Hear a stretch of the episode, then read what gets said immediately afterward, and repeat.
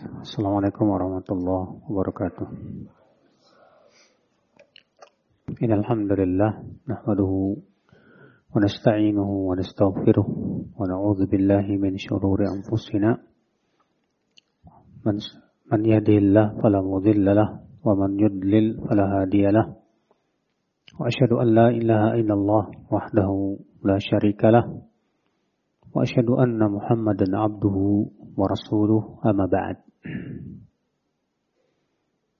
Ayol ikhwah Alhamdulillah kita bersyukur kepada Allah di mana kita sekarang sudah sampai ke hari yang ke-22 ya. Masya Allah. Gak, gak kerasa ya Ramadan berjalan begitu cepat sekali. Dan pada pembahasan kita insya Allah kita membahas tentang Lailatul Qadar dan amalan yang bisa kita amalkan di 10 terakhir. Apa itu Lailatul Qadar? Lailah artinya malam, Qadar artinya takdir. Ya Lailah artinya apa? Malam, Al-Qadar artinya apa? Takdir. Kenapa disebut dengan Lailatul Qadar, Pak? Karena di malam itu Allah mentakdirkan ya takdir semua makhluk untuk satu tahun. Dalilnya surat Ad-Dukhan ayat 4 sampai 5. Allah berfirman, "Fiha yufraku kullu amrin hakim. Amram min indina inna kunna mursilin." Fiha di, di malam itu, itu malam Lailatul Qadar, yufraku kullu amrin hakim ditentukan segala urusan yang bijaksana. Amram min indina sebagai perintah dari sisi kami. Inna kunna mursilin sesungguhnya kami kamilah yang mengutus. Ya. Karena para ulama membagi takdir menjadi empat. Ada takdir am, takdir umum, itu yang ada dalam lauhul mahfud.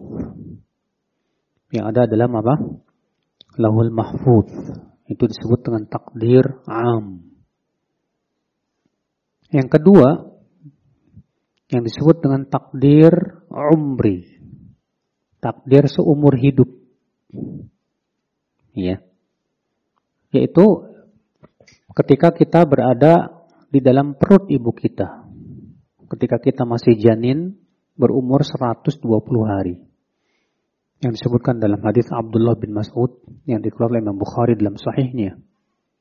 Ya, ketika Rasulullah SAW menyebutkan Inna ahadakum yujma'u khalquhu fi batni ummihi li arba'ina yawman nutfatan ثم يكون علقة مثل ذلك.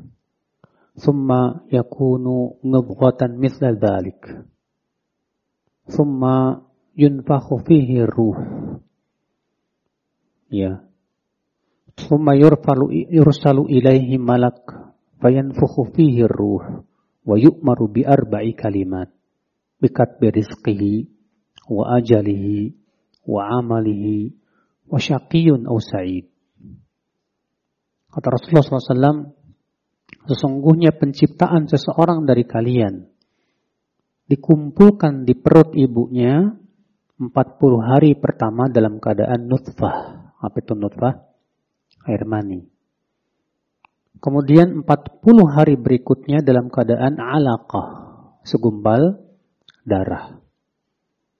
Kemudian 40 hari yang ketiga menjadi mudghah, daging. Kemudian Allah mengutus malaikat Lalu malaikat itu meniupkan padanya apa? Ruh. Dan diperintahkan untuk mencatat empat. Dicatat apa? Rezekinya. Ajalnya. Amalnya. Dan apakah ia akan surga atau neraka. Atau ia akan bahkan bahagia atau sengsara.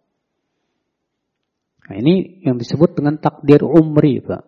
Takdir seumur hidup dan takdir seumur hidup ini adalah perincian dari takdir yang ada di Lauhul Mahfud, tidak bertabrakan.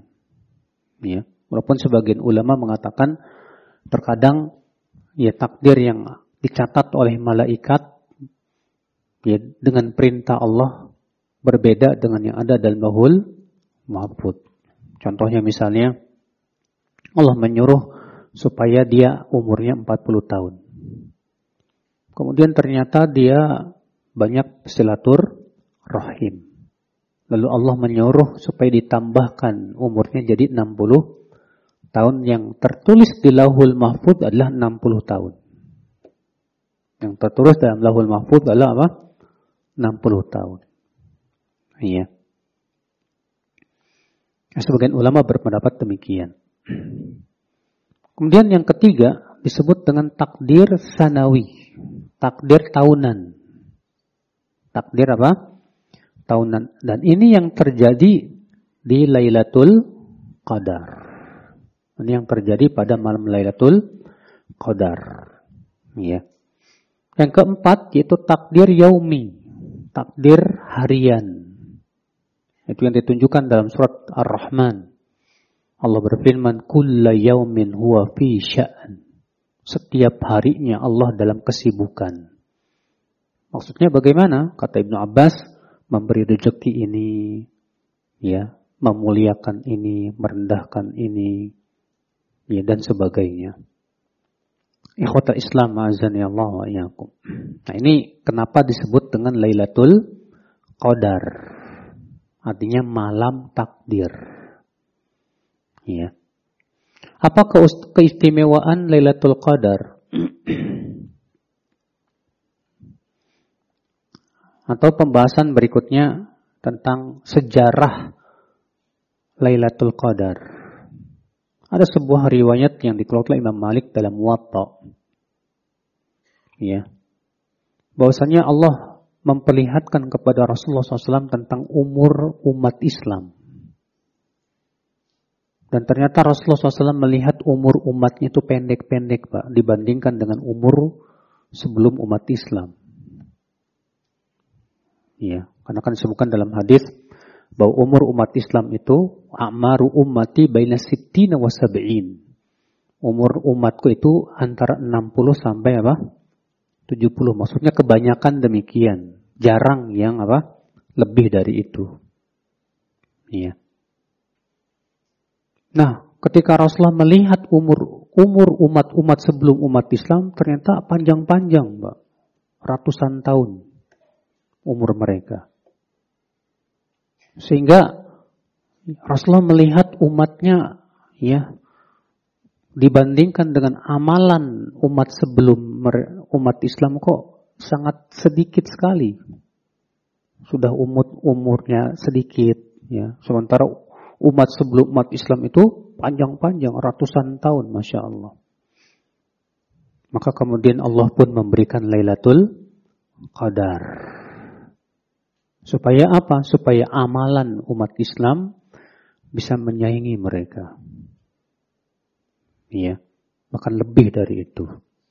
Demikian dalam kitab Muwatta Imam Malik. Namun sayang sanadnya lemah, Pak.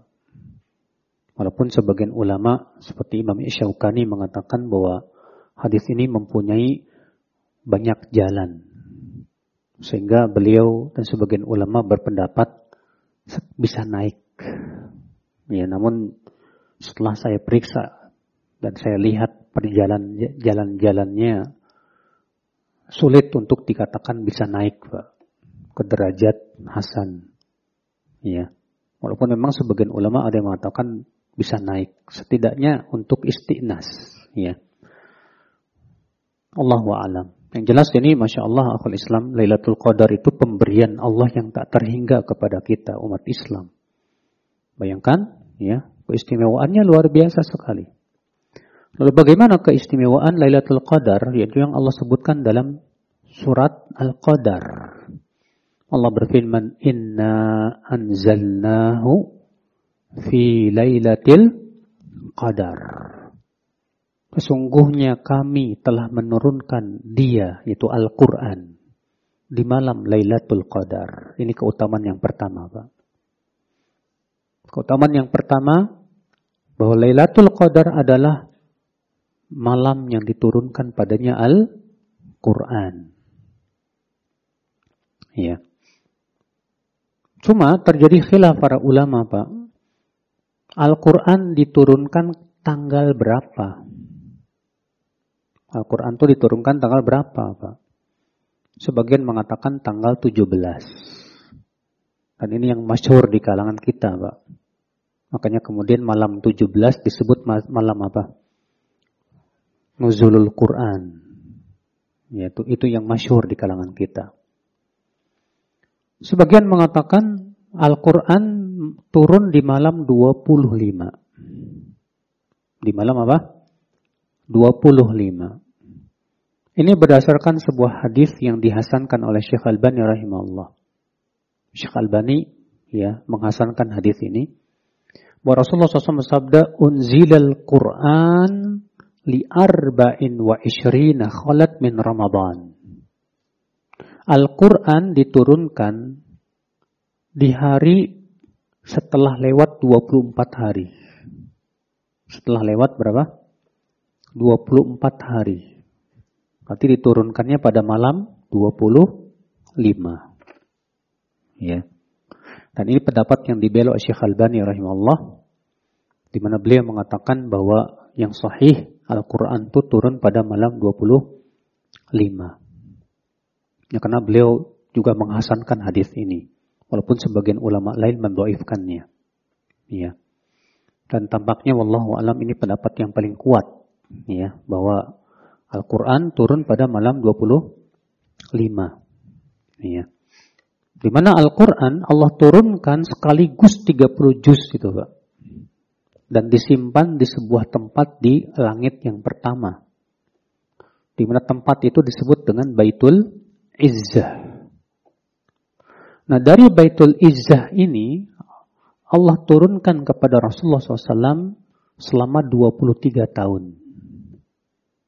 Ya. Kenapa Al-Quran tidak diturunkan sekaligus kepada Rasulullah Pak? Seperti halnya kitab-kitab suci sebelum Rasulullah SAW. Taurat, ya, Injil, Zabur, itu diturunkan langsung sekaligus kepada Rasul. Tapi untuk Al-Quran, ternyata Allah turunkan sekaligus disimpan di langit dunia. Di Baitul Izzah. Kemudian diturunkan kepada Rasulullah SAW selama 23 tahun. Dicicil istilahnya Pak. Iya. Allah menyebutkan tentang hikmahnya kenapa. Allah berfirman, وَقَالَ الَّذِينَ كَفَرُوا لَوْلَا نُزِّلَ الْقُرْآنُ جُمْلَةً وَاحِدَةً Berkata orang-orang kafir itu, kenapa Al-Quran tidak diturunkan sekaligus? Maka Allah mengatakan, Kadhalika linuthabbita bihi fuadak warattalnahu tartila. Demikianlah kami rinci, kami cicil turunnya Al-Quran. Untuk apa? Linuthabbita bihi fuadak. Agar kami kokohkan hatimu, hai Muhammad, dengan Al-Quran. Sehingga dijadikan dalil oleh para ulama ini menunjukkan Mbak. Bahwa orang yang selalu membaca Quran dan mempelajarinya. Hatinya kokoh, iman yang kokoh. Biiznillah. Makanya Syekhul Islam Taimiyah dalam Majmu' Fatawa di jilid 18 halaman 305 ya. Beliau mengatakan apa? Aksaru man yartad an dinil Islam. Kebanyakan orang yang murtad dari agama Islam itu gara-gara apa? Kata beliau, man indahu Quran. Walaysa fihi imanun wala ilmun. Kebanyakan orang yang murtad dari agama Islam itu orang yang punya Al-Quran, tapi dia tidak faham dan tidak beriman. Kurang imannya. Atau, ya, dia punya iman, tapi tidak punya Quran dan tidak punya il, ilmu. Kata beliau, siapa yang diberikan oleh Allah Al-Quran dan iman, lalu ia berusaha untuk mempelajarinya, maka yang seperti ini rata-rata imannya kuat dan kokoh. Iya, ini hikmah, Pak. Kenapa Al-Quran itu diturunkan, Bapak? Secara cicil. Selama berapa tahun, Pak? 23 tahun memberikan kepada kita pesan kepada kita bahwa kita jangan lepas dari mempelajari apa? Al-Qur'an. Terus kita pelajari Al-Qur'an. Ya. Kita baca terus. Nah, ini keutamaan pertama, Pak. Dari malam Lailatul Qadar. Ya.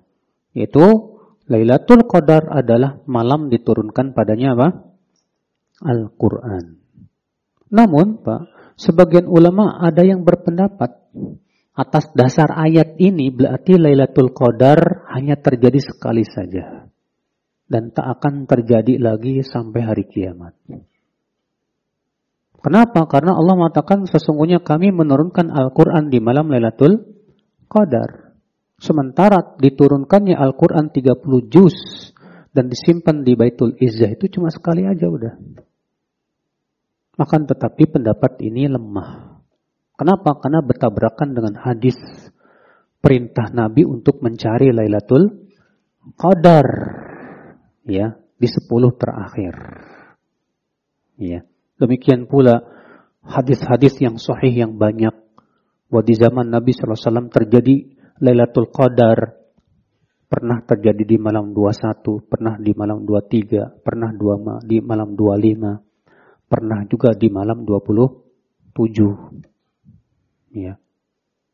Maka dari itu pendapat jumhur mengatakan bahwa Lailatul Qadar ada setiap tahunnya. Iya. Ikhwatul Islam azani Allah wa iyyakum. Keutamaan yang kedua Bapak. Itu Allah berfirman, "Wa ma adraka ma Lailatul Qadar." Lailatul Qadri khairum min alfi syahr. Lailatul Qadar lebih baik daripada seribu bulan. Apa maknanya Lailatul Qadar lebih baik daripada seribu bulan? Khilaf para ulama tentang ini. Dan banyak ahli tafsir mengatakan artinya ibadah di malam Lailatul Qadar itu sebanding dengan ibadah seribu bulan ibadah di malam Lailatul Qadar itu sebanding dengan ibadah apa? Seribu bulan, Masya Allah. Iya. Luar biasa sekali akal Islam azani Allah wa yakum. Iya. Seribu bulan itu sama dengan 83 tahun. Ini keutamaan yang kedua. Keutamaan yang ketiga ya akal Islam. Yaitu malaikat turun di malam itu. Demikian pula malaikat Jibril. Allah berfirman, "Tanazzalul malaikatu warruh fiha biizni rabbihim min kulli amr." Para malaikat dan ruh yang dimaksud dengan ruh di sini siapa? Malaikat Jibril turun di malam itu dengan membawa segala perintah Allah Subhanahu wa taala. Iya. Disebutkan dalam hadis yang dihasankan oleh Syekh Al-Bani rahimahullah bahwa jumlah malaikat yang turun ke bumi di malam Lailatul Qadar itu lebih lebih banyak dari jumlah kerikil yang ada di bumi. Antum pernah ngitung kerikil yang ada di sini? Pernah nggak? Banyak banget. Gimana di bumi ini, masya Allah. Ya, ternyata ya malaikat yang turun ketika malam Lailatul Qadar ke bumi kata Rasulullah SAW itu lebih banyak daripada jumlah kerikil yang ada di bumi. Masya Allah, subhanallah. Banyak sekali. Ya. Sehingga akal Islam, ya karena jumlah malaikat yang sangat banyak yang turun, maka kata Ibnu Rajab apa? Maka jin-jin dan setan-setan itu semua tak berkutik, tak berdaya di malam itu. Makanya Allah menyebutkan ya, keutamaan yang terakhir apa? Salamun hiya hatta matla'il fajar. Keselamatan iya, keselamatan maksudnya apa? Kata para ulama ai ya, salam keselamatan min kulli syarrin wa adza. Keselamatan dari segala macam keburukan. Ya. Dan di situ akal Islam banyak kebaikannya, masya Allah. Ini ke keistimewaan yang ter, yang keempat akal Islam. Keistimewaan yang kelima yaitu yang disebutkan dalam surat Ad-Dukhan ayat 3. Allah berfirman, "Inna anzalnahu fi lailatin mubarakah." Sesungguhnya kami menurunkan Al-Quran di malam yang diberkahi. Berarti keistimewaan yang kelima, Lailatul Qadar adalah malam yang barokah. Apa sih barokah itu, Pak?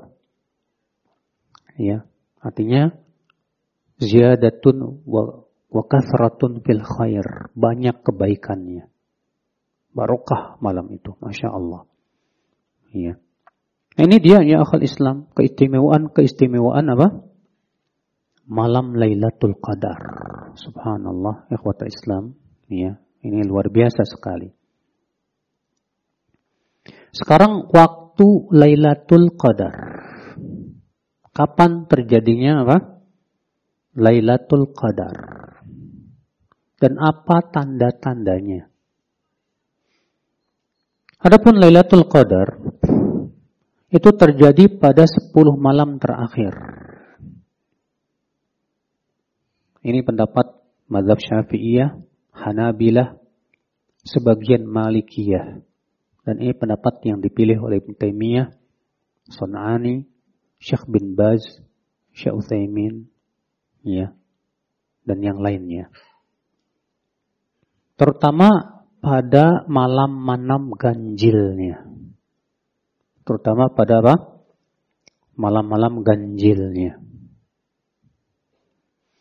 Sementara sebagian ulama mengatakan bahwa Lailatul Qadar bisa terjadi di luar 10 terakhir. Iya. Bahkan sebagian kecil ulama mengatakan Lailatul Qadar pun bisa terjadi di luar Ramadan.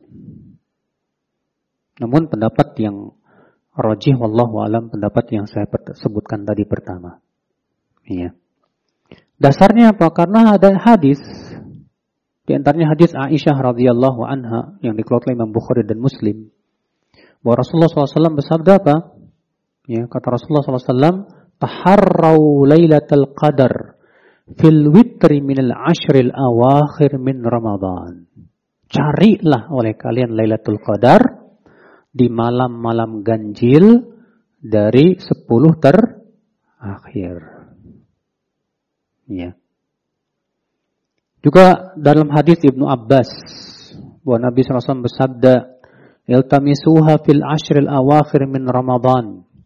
Lailatul Qadri fi tasi'ah tabqa wa fi sabi'ah tabqa wa fi khamisah tabqa. Carilah di sepuluh hari terakhir bulan Ramadan. Di mana Lailatul Qadar itu bisa terjadi pada sembilan hari tersisa. Sembilan hari tersisa berarti malam berapa? Sembilan hari tersisa. Hah? Malam 21 ya? Sembilan hari tersisa.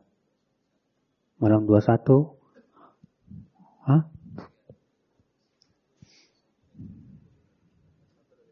Sembilan hari tersisa malam berapa Pak? Hah? Ya. Bisa biatin tabko atau tujuh hari tersisa. Nah, berapa tuh? Wafi khamisatin tabko atau lima hari tersisa. Iya. Itu. Demikian pula hadis Ibnu Umar. Hadis tadi dikeluarkan oleh Imam Bukhari. Hadis Ibnu Umar, "Anna rijalan min ashabin Nabi sallallahu uru lailatul qadri fil manam fi sab'il awakhir." Bahwa ada beberapa sahabat Nabi yang bermimpi melihat Lailatul Qadar itu terjadi pada tujuh terakhir. Pada tujuh hari terakhir. Maka Rasulullah SAW sabda, Ara ru'yakum qad tawata'at fisabil awakhir. Rasulullah sabda, aku melihat mimpi kalian sepakat nih.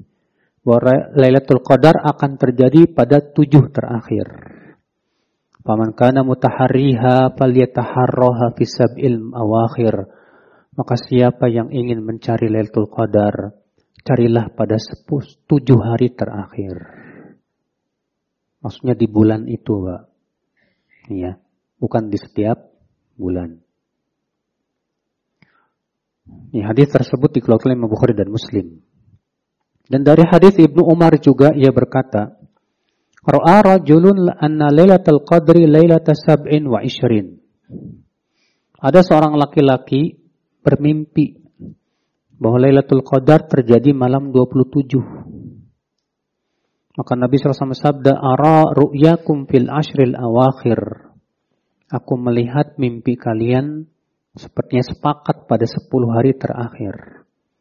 Fatlubuha fil witri minha, carilah pada malam-malam ganjilnya. Pada malam-malam apa? Ganjilnya. Iya. Nah ini akal Islam. Cuma masalahnya antum di, di zaman sekarang ini kan terjadi perbedaan nih Pak. Di Saudi sekarang malam 22. Di Indonesia eh bulan Saudi ya? Hah? Iya kan? Sekarang di Saudi berarti malam 24 kan? Sekarang di Indonesia malam malam dua apa? Dua tiga. Tadi malam kalau di Indonesia malam dua berapa? Dua dua. Di Saudi malam dua. Hah? Dua tiga. Yang jadi masalah yang benar yang mana? Yang benar yang mana di sisi Allah? Kalau kita ngikutin pemerintah karena adanya dalil. Cuma masalahnya malam ganjil di sisi Allah yang mana yang benar kita nggak tahu, Pak. Ya, makanya jangan antum cuma apa namanya tahajudnya cuma di malam ganjil doang yang ada di kita salah. Jadi tahajudnya kalau bisa sholat taraweh termasuk sholat malam ya itu setiap malam, Pak, masya Allah.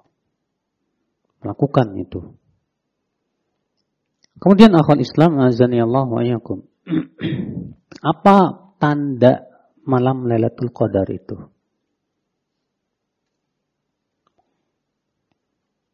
Tanda-tandanya akal Islam yang disebutkan dalam hadis yang sahih.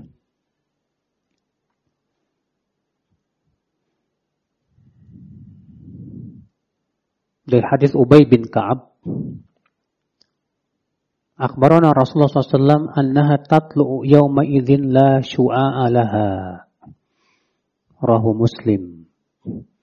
Bahwa matahari di pagi harinya tidak ada sinarnya. Di pagi harinya tidak ada apa? Tidak ada cahaya. Ya.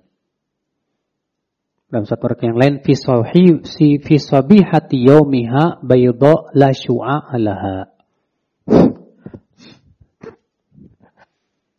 Di pagi harinya matahari itu putih. Tidak ada sinarnya.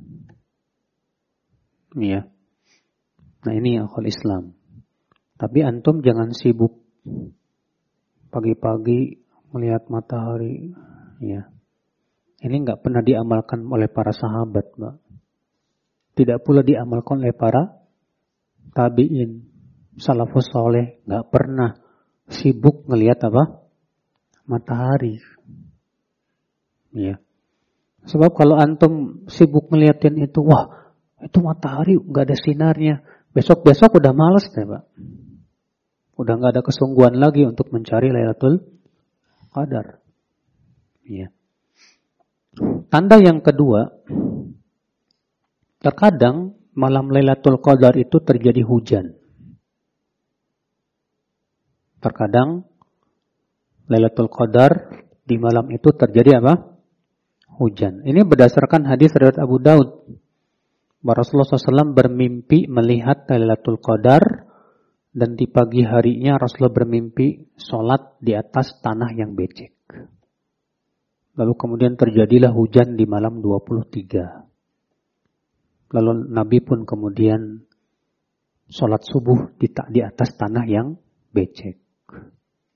Iya. Terkadang hujan.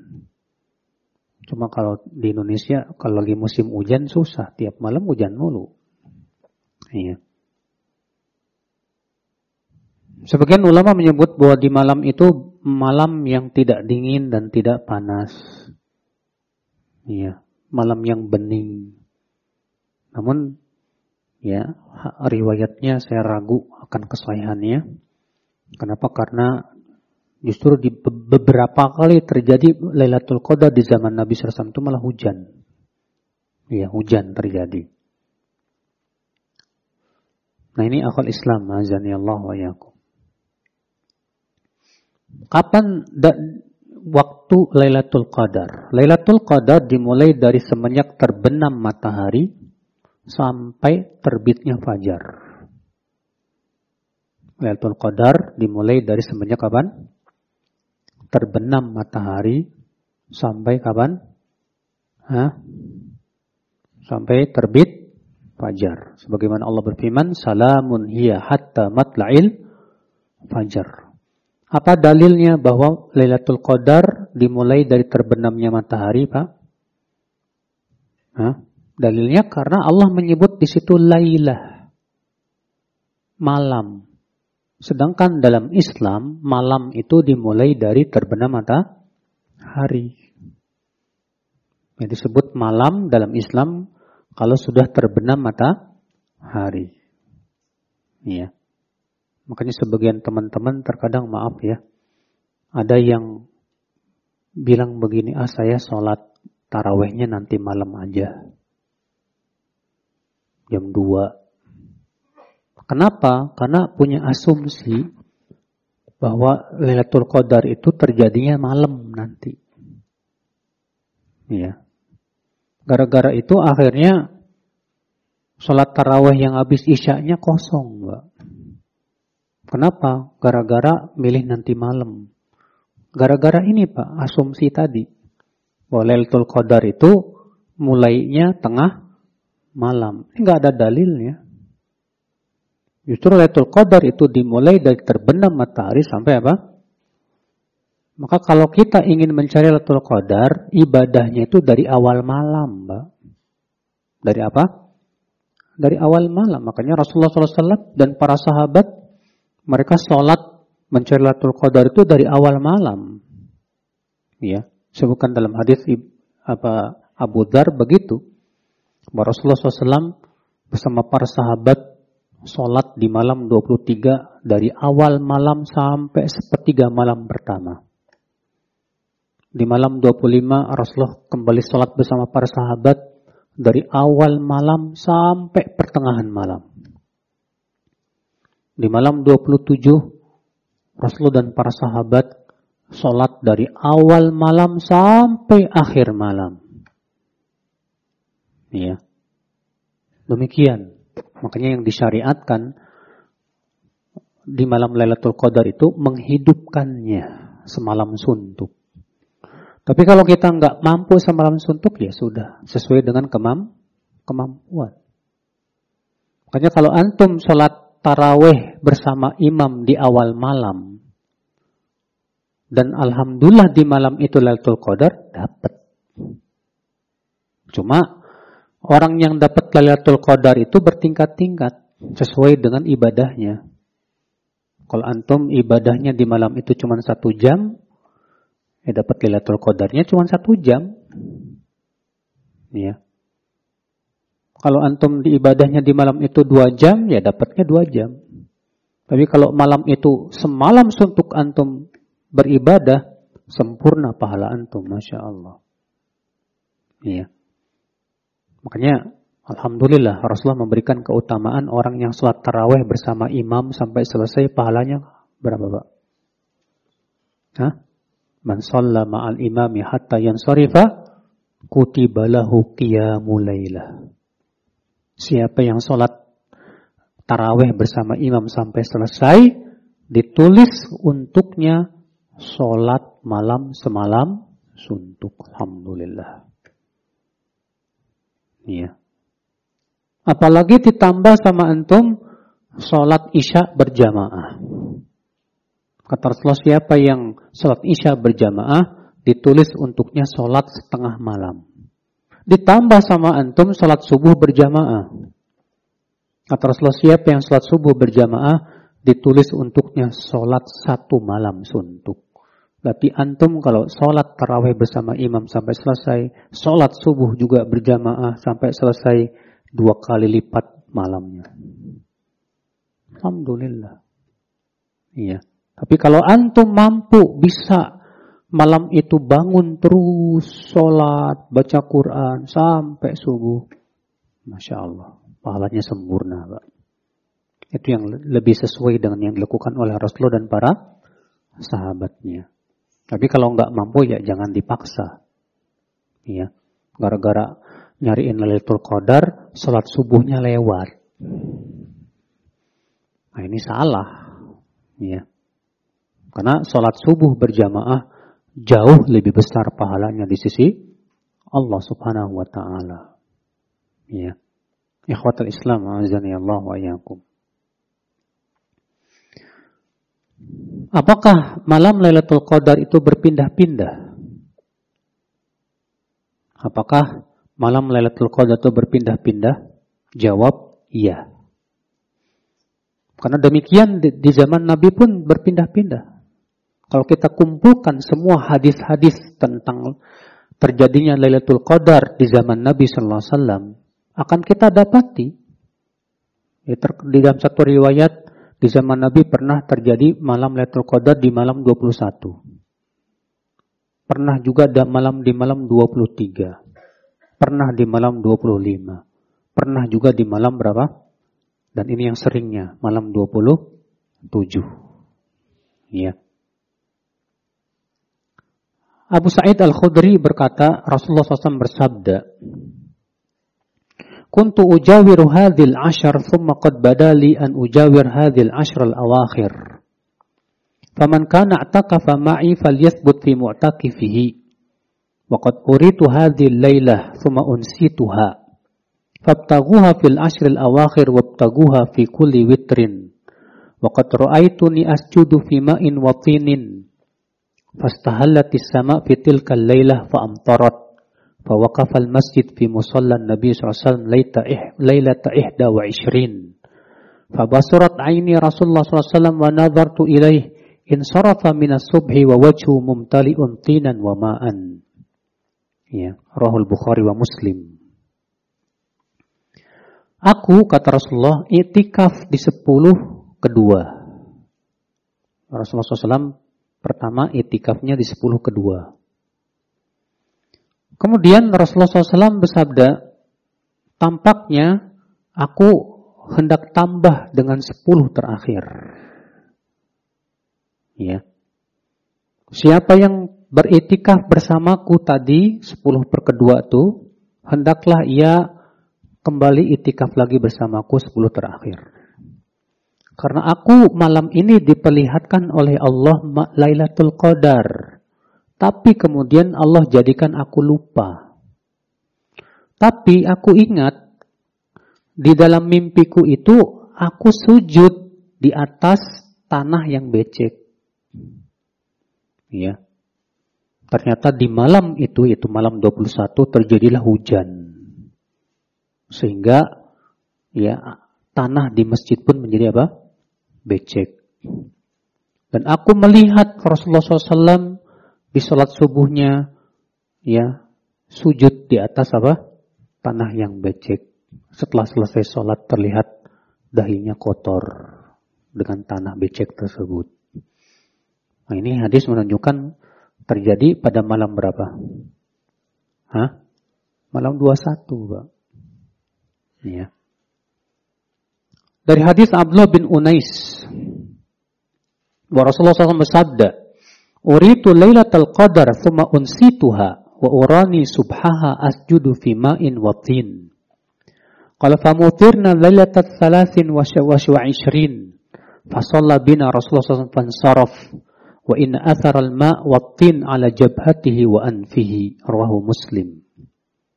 Rasulullah bersabda, aku bermimpi melihat malam Lailatul Qadar. Tapi aku dijadikan oleh Allah lupa kapan itu terjadinya. Tapi dalam mimpiku aku melihat sujud di atas tanah yang becek. Lalu kata Abdullah bin Unais terjadilah hujan pada malam 23. Ini kisah yang lain, Mbak. Beda dengan kisah yang pertama. Maka Rasul pun salat subuh bersama kami. Dan beliau pun selesai salat subuh dalam keadaan jidat dan hidungnya menempel padanya apa? Tanah. Berarti ini terjadi pada malam berapa? 23. Dan hadis tadi disebutkan terjadi pada malam 27. Iya. Nah ini berarti itu menunjukkan bahwa Lailatul Qadar itu berpindah-pindah. Ya. Adapun pendapat sebagian orang bahwa malam Lailatul Qadar itu hanya di malam 27 ini pendapat lemah. Ya, kenapa? Karena bertabrakan dengan hadis-hadis yang sahih.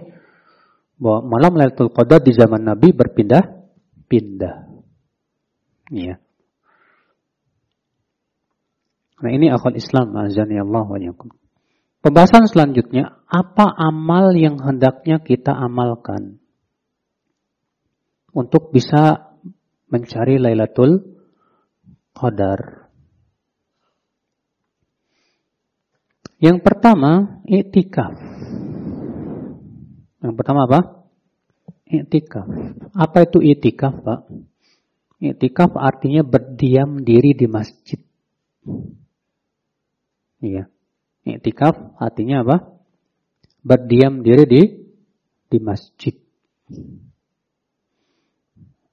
Apa dalilnya iktikaf? Dalilnya ayat Allah berfirman wala tubashiruhunna wa antum aqifuna fil masajid. Jangan kalian bersetubuh dengan istri-istri kalian sementara kalian sedang sedang itikaf di masjid. Ya. Demikian pula Nabi SAW itikaf di sepuluh terakhir. Demikian pula istri-istri Nabi setelahnya.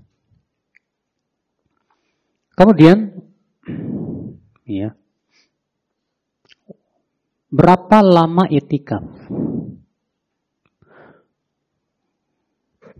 Kalau waktu paling sedikit itikaf khilaf para ulama. Waktu yang paling sedikit itikaf itu berapa? Sebagian ulama mengatakan waktu yang paling sedikit dari itikaf adalah satu malam atau satu hari. Berdasarkan hadis bahwa Umar bin Khattab pernah bernazar untuk iktikaf satu malam di Masjidil Haram. Maka Nabi SAW menyuruh Umar untuk apa? Melaksanakan nazarnya itu. Sementara sebagian ulama berpendapat bahwa iktikaf itu boleh walaupun sesaat. Walaupun apa? Walau lahdoh, sesaat. Satu jam, nggak apa-apa. Dua jam, nggak apa-apa. Tiga jam, nggak apa-apa. Kenapa kata mereka? Karena tidak ada dalil yang membatasi. Maka kalau antum misalnya duduk antara maghrib sampai isya di masjid dengan niat itikaf, sah. Iya. Namun wallahu alam pendapat yang paling kuat pendapat yang pertama bahwa itikaf yang paling sedikit itu satu malam atau satu hari. Kenapa Pak? Berdasarkan hadis tadi Umar bin Khattab bernazar mau itikaf satu malam. Demikian pula karena ada perselisihan para ulama, apakah termasuk syarat itikaf harus puasa atau tidak? Sedangkan puasa itu Pak disebut puasa dimulai dari terbit fajar sampai terbenam matahari. Gak mungkin puasa cuma satu jam atau dua jam. Maka dari itu Allah alam pendapat yang paling kuat bahwa etikaf paling sedikit satu malam atau satu apa? Satu hari. Dan ini dikuatkan lagi hadis. Ada orang seorang Arab Badui datang kepada Rasulullah dan berkata, "Wahai Rasulullah, ini fi badiyah. Aku tinggal di pedesaan jauh dari sini." Iya. Tolong perintahkan aku satu malam yang aku bisa datang untuk itikaf di Masjid Nabawi.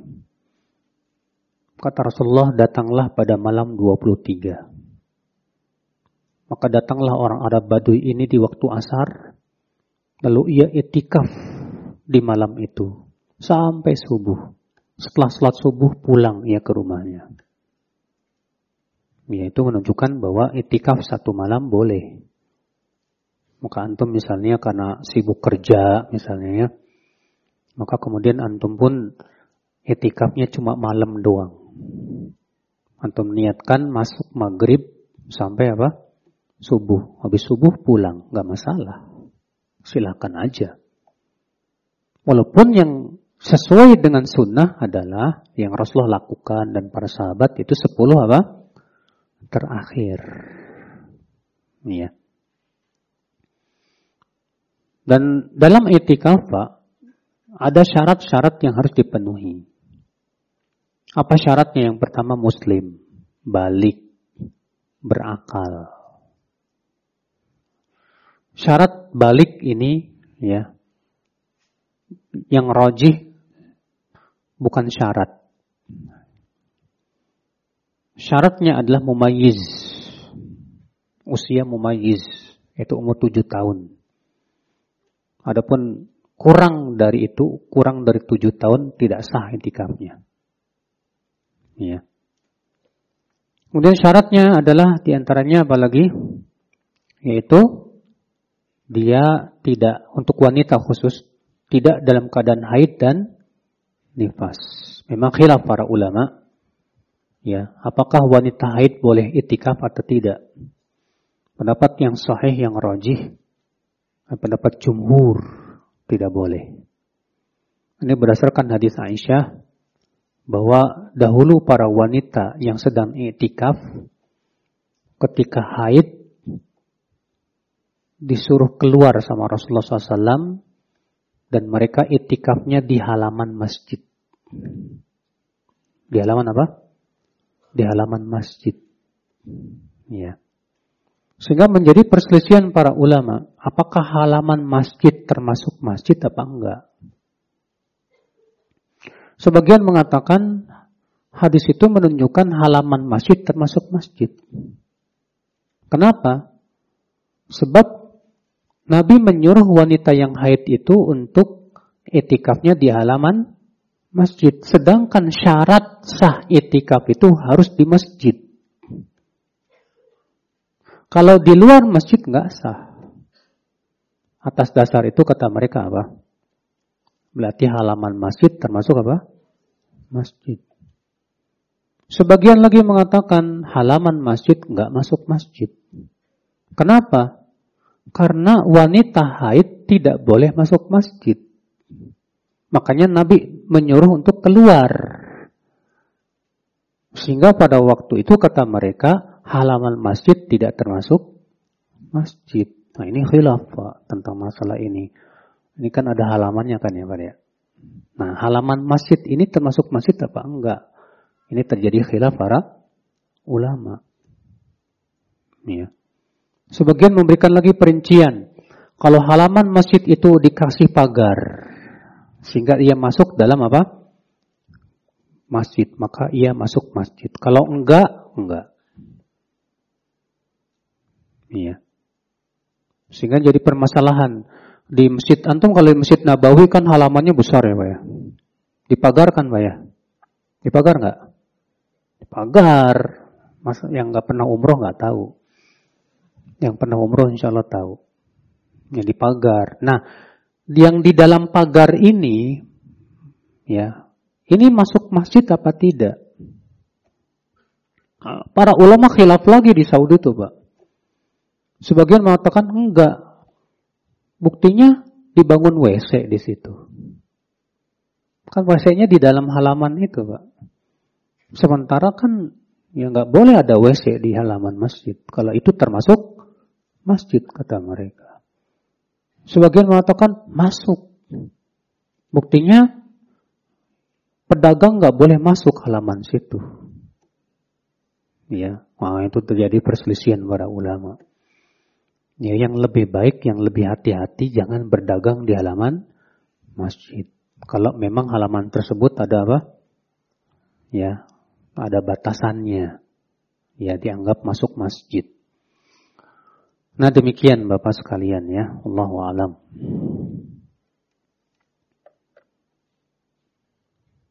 Kemudian syarat sah itikaf yang selanjutnya apa? Itikaf wajib di masjid. Dasarnya firman Allah wa antum aqifuna fil masajid. Cuma masalahnya Pak, para ulama berbeda pendapat, masjid kayak gimana? Sebagian mengatakan semua masjid, baik masjid jami maupun bukan masjid jami. Apa bedanya masjid jami dengan bukan masjid jami, Pak? Hah? Masjid jami artinya masjid yang ditegakkan padanya sholat Jumat. Masjid bukan masjid jami artinya apa? Masjid yang tidak ditegakkan padanya sholat Jumat. Kalau di Indonesia disebut apa? Musola. Ya. Itu istilah khusus di Indonesia, Pak. Ya. Kalau dalam bahasa ilmu fikih itu namanya masjid kuairul jami masjid yang bukan masjid jami. Artinya masjid yang tidak ditegakkan padanya sholat Jumat. Nah, masjid yang tidak ditegakkan padanya sholat Jumat disebut masjid tidak? Masjid. Makanya musola disebut masjid juga? Masjid termasuk masjid. Surau termasuk masjid tidak? Masuk. Langgar. Sholat nggak boleh dilanggar, Pak masuk masjid. Berarti itikaf di musola, ya, sebagian ulama katakan boleh. Kenapa? Karena Allah memutlakkan wa antum aqifuna fil masajid. Sementara kalian itikaf di masjid. Berarti selama itu disebut masjid boleh itikaf di situ. Ya. Sebagian lagi mengatakan khusus masjid yang ditegakkan padanya sholat berjamaah. Adapun kalau tidak tegakkan sholat berjamaah tidak boleh. Dalilnya karena adanya perintah-perintah untuk sholat berjamaah. Sedangkan sholat berjamaah hukumnya apa? Wajib. Sebagian mengatakan disyaratkan harus masjid yang ditegakkan padanya sholat Jumat. Namun ini semua tidak ada dalilnya, Pak. Sebagian lagi mengatakan itikaf hanya di tiga masjid. Masjidil Haram, Masjid Nabawi, dan Masjidil Aqsa. Dan ini pendapat Said ibn Musayyib. Siapa Said bin Musayyib? Pernah dengar Said bin Musayyib? Said bin Musayyib itu tabi'in yang paling berilmu. A'lamut tabi'in. Dan ini pendapat yang dibela oleh Syekh Albani dan murid-muridnya sampai hari ini. Dalilnya hadis la i'tikafa illa fi thalathati masajid. Tidak ada itikaf kecuali tiga apa? Kata mereka, kata la dalam bahasa Arab artinya nafiyah lil wujud. Meniadakan keberadaan. Artinya tidak ada itikaf kecuali tiga masjid. Kalau ternyata tidak bisa kepada dibawa kepada nafiah lil wujud, maka nafiah lis sihah meniadakan keabsahan. Artinya tidak sah itikaf kecuali tiga masjid. Kata Syekh Albani berarti itu menunjukkan bahwa itikaf hanya tiga masjid. Di masjid yang lain tidak sah. Lalu bagaimana dengan ayat wa antum aqifuna fil masajid? Kata Syekh Albani apa? Ayat ini umum. Hadis ini khusus. Dan kaidah usul fikih mengatakan apabila dalil yang umum bertemu dengan dalil yang khusus, maka harus dibawa kepada yang khusus. Ini pendapat yang saya tadinya berpegang kepada ini, Pak. Karena secara ilmu usul fikih kuat banget. Memang secara kaidah-kaidah usul fikih kuat banget pendapat ini, Pak. Makanya Syekh Ali sampai membuat buku khusus bantahan terhadap pendapat jumhur yang mengatakan boleh itikaf di semua masjid. Dan beliau membantah satu persatu dalil-dalil dan hujah mereka itu. Ya, siapa pun yang baca buku itu, dia pasti yakin akan kebenaran pendapat itu, Pak. Betul. Ya, dan saya juga selama bertahun-tahun tidak pernah mau itikaf. Gara-gara itu, Pak pendapat itu. Saya maunya itikaf di mana? Kalau enggak di Masjid Nabawi, Masjidil Haram atau di Masjidil Aqsa. Ya. Namun setelah saya ya terus saya pelajari, pelajari, pelajari, tampak kepada saya bahwa tujuan itikaf adalah untuk sungguh-sungguh ibadah kepada Allah. Dan tujuan seperti ini tidak khusus hanya di tiga apa? masjid. Ya. Sekarang kalau itikaf hanya tiga masjid, bagaimana dengan kaum muslimin yang tidak mampu pergi ke sana? Bagaimana akan bersungguh-sungguh? Dan bagaimana hendak melaksanakan ya perintah apa anjuran Nabi untuk itikaf? Ya. Maka Allah alam ya bahwa kata-kata la tidak ada itikaf di kecuali tiga masjid, maksudnya adalah itikaf yang paling sempurna. Itikaf yang paling apa? Sempurna itu di tiga apa? Masjid. Ya, cuma yang jadi masalah lagi. Berarti itikaf yang paling utama itu di tiga masjid. Adapun yang lain di bawah keutamaan tiga masjid itu. Iya. Nah, ini akal Islam azani Allah wa yakum. Iya.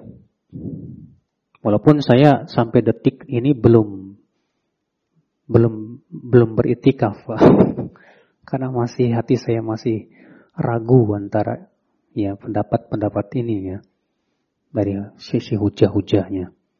Allah alam. Nanti kalau saya, saya sudah benar-benar yakin baru saya dikaf. Ya. Tapi kalau antum sudah memang yakin dengan pendapat jumhur, boleh itikaf di setiap masjid, silakan. Ya, ini khilaf para ulama, kita tidak bisa saling memaksakan pendapat. Ya, cukup kita amalkan sesuai yang kita pandang apa? Kuat. Ya, Allah a'lam. Taib ya akan Islam. Nah ini syarat-syarat yang harus terpenuhi bagi mereka yang apa? Itikaf. Syarat yang terakhir yaitu niat. Syarat itikaf yang terakhir apa? Niat. Ya. Kemudian rukun itikaf. Itikaf rukunnya cuma satu, Pak. Yaitu berdiam di masjid. Berdiam di mana? di masjid. Nah sekarang apa yang membatalkan itikaf? Yang membatalkan itikaf yang pertama berjima sama istri. Batal sudah. Ya. Antum misalnya udah kebelet, aduh pengen jima. Ya udah antum niat batalkan pulang deh. Kemudian kembali ke masjid wajib memperbaharui niatnya. Kalau dia mau itikaf, dia wajib memperbarui apa? Niatnya lagi. Karena itikafnya sudah sudah batal dengan dengan jima sama istri. Iya. Yang kedua, keluar tanpa alasan. Keluar tanpa apa? Tanpa kebutuhan. Ya. Nah, sekarang akal Islam Kalau keluarnya karena kebutuhan boleh tidak, Pak? Boleh tidak? Yang namanya kebutuhan ada dua macam. Macam yang pertama, kebutuhan yang sifatnya mau tidak mau harus. Seperti makan, minum, BAB. Kalau misalnya antum itikaf di musola, nggak ada toiletnya. Nggak ada disediakan makan dan minum. Boleh nggak keluar untuk makan dan minum, untuk buka, untuk sahur, untuk BAB? Semua ulama sepakat boleh, nggak masalah. Kebutuhan yang kedua, kebutuhan yang sifatnya ibadah. Contoh, mengunjungi orang sakit, menjenguk orang sakit, atau mengantar mayat sampai ke kuburan. Ini boleh nggak? Keluar itikaf tujuannya mau apa? Menjenguk teman antum yang sakit. Sementara kan menjenguk orang sakit pahalanya besar tidak Pak? Besar. Khilaf para ulama. Sebagian mengatakan boleh. Iya. Sebagian mengatakan tidak boleh. Yang rojih boleh kalau dia mensyaratkan di awal. Cuma masalahnya terjadi ikhtilaf lagi para ulama. Boleh enggak memberikan syarat dalam etika? Maksudnya gimana? Gini. Saya niat itikaf dengan syarat kalau ada kebaikan saya mau keluar. Nah, ini menjadi ikhtilaf menjadi dua pendapat ulama, Pak. Jumhur mengatakan boleh. Dalilnya kias. Dikiaskan kepada orang yang sedang berihram dalam haji atau umroh. Sebagaimana dalam haji dan ihram, dalam um, apa haji dan umroh, ketika antum ihram, boleh tidak mensyaratkan? Boleh. Ya. Demikian pula kata mereka dalam etikaf. Kesamaannya apa? Ihram dengan etikaf itu kesamaannya sama-sama tidak boleh jima, sama-sama menahan diri. Ya. Ini pendapat jumhur. Sementara Imam Malik mengatakan apa? Gak ada syarat dalam etika. Atas dasar itu kata Imam Malik, gak boleh keluar untuk jenguk orang sakit, gak boleh. Ya. Pendapat yang paling kuat Allah alam dalam hal ini boleh kalau dengan syarat. Jadi antum mensyaratkan saya mau itikaf dengan syarat, ya, saya mau keluar kalau ada apa? Ibadah dan kebaikan. Maka kalau antum mensyariat, mensyaratkan di awal itikaf seperti itu, maka antum keluar karena untuk hal-hal seperti itu tidak batal itikafnya. Tidak apa? Tidak batal itikafnya.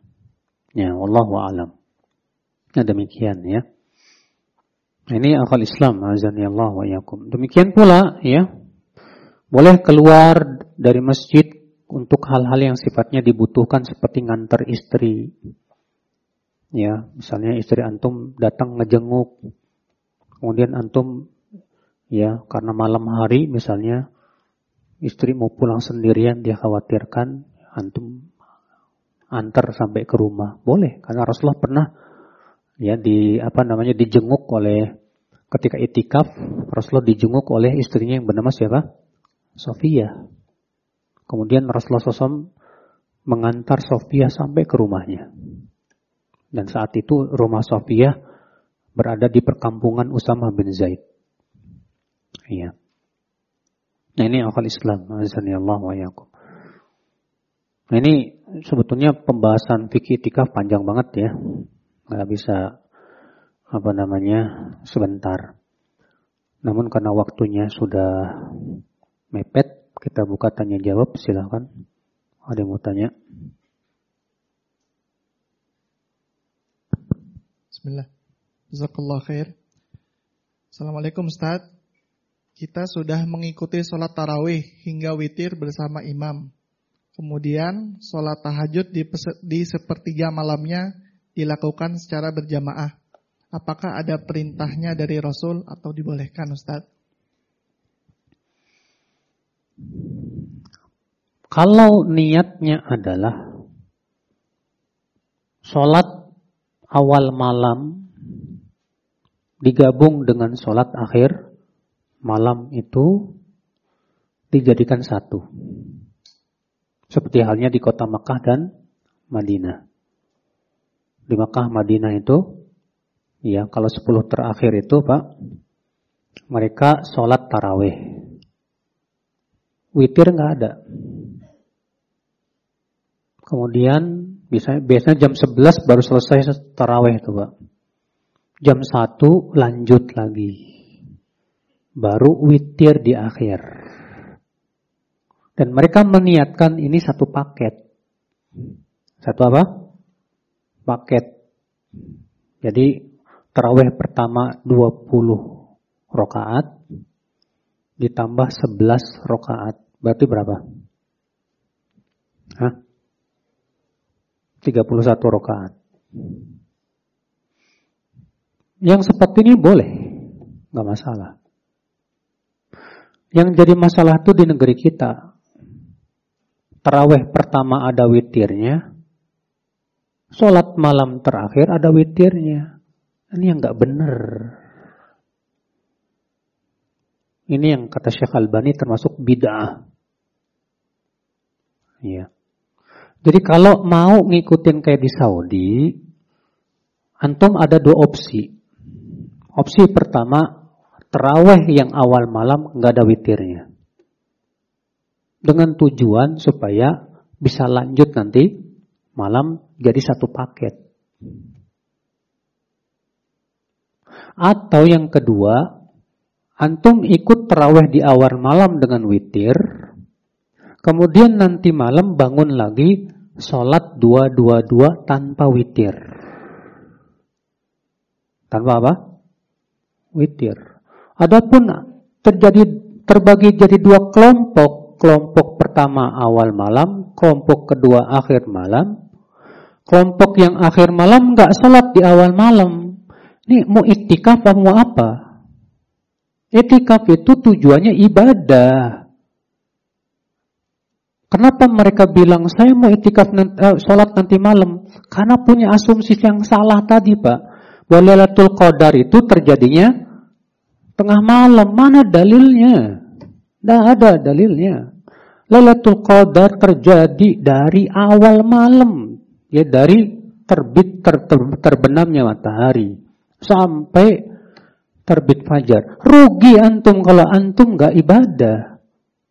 Bukankah lebih baik antum sholat, ikut sholat semuanya? Awal malam ikut, akhir malam apa? Ikut, sempurna buat antum, Masya Allah pahalanya. Yang terjadi seperti itu Pak.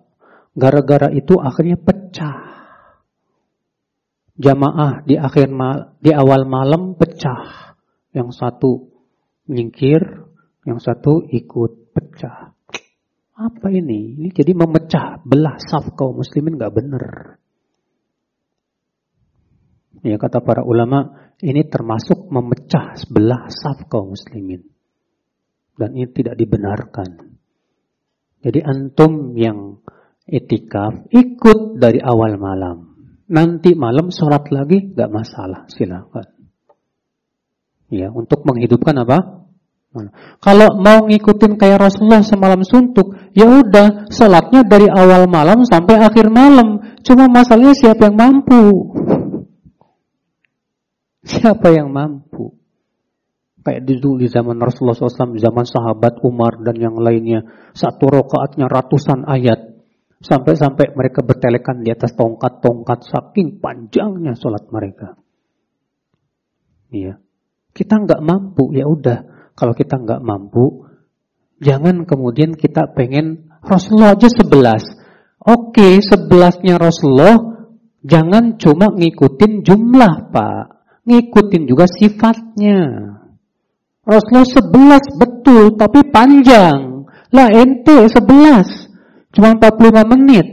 Mikir. Ya. Jangan seperti itu ya akhul Islam. Maka dari itu ya saya selalu menghimbau. Di hatta di Al-Barkah saya himbau.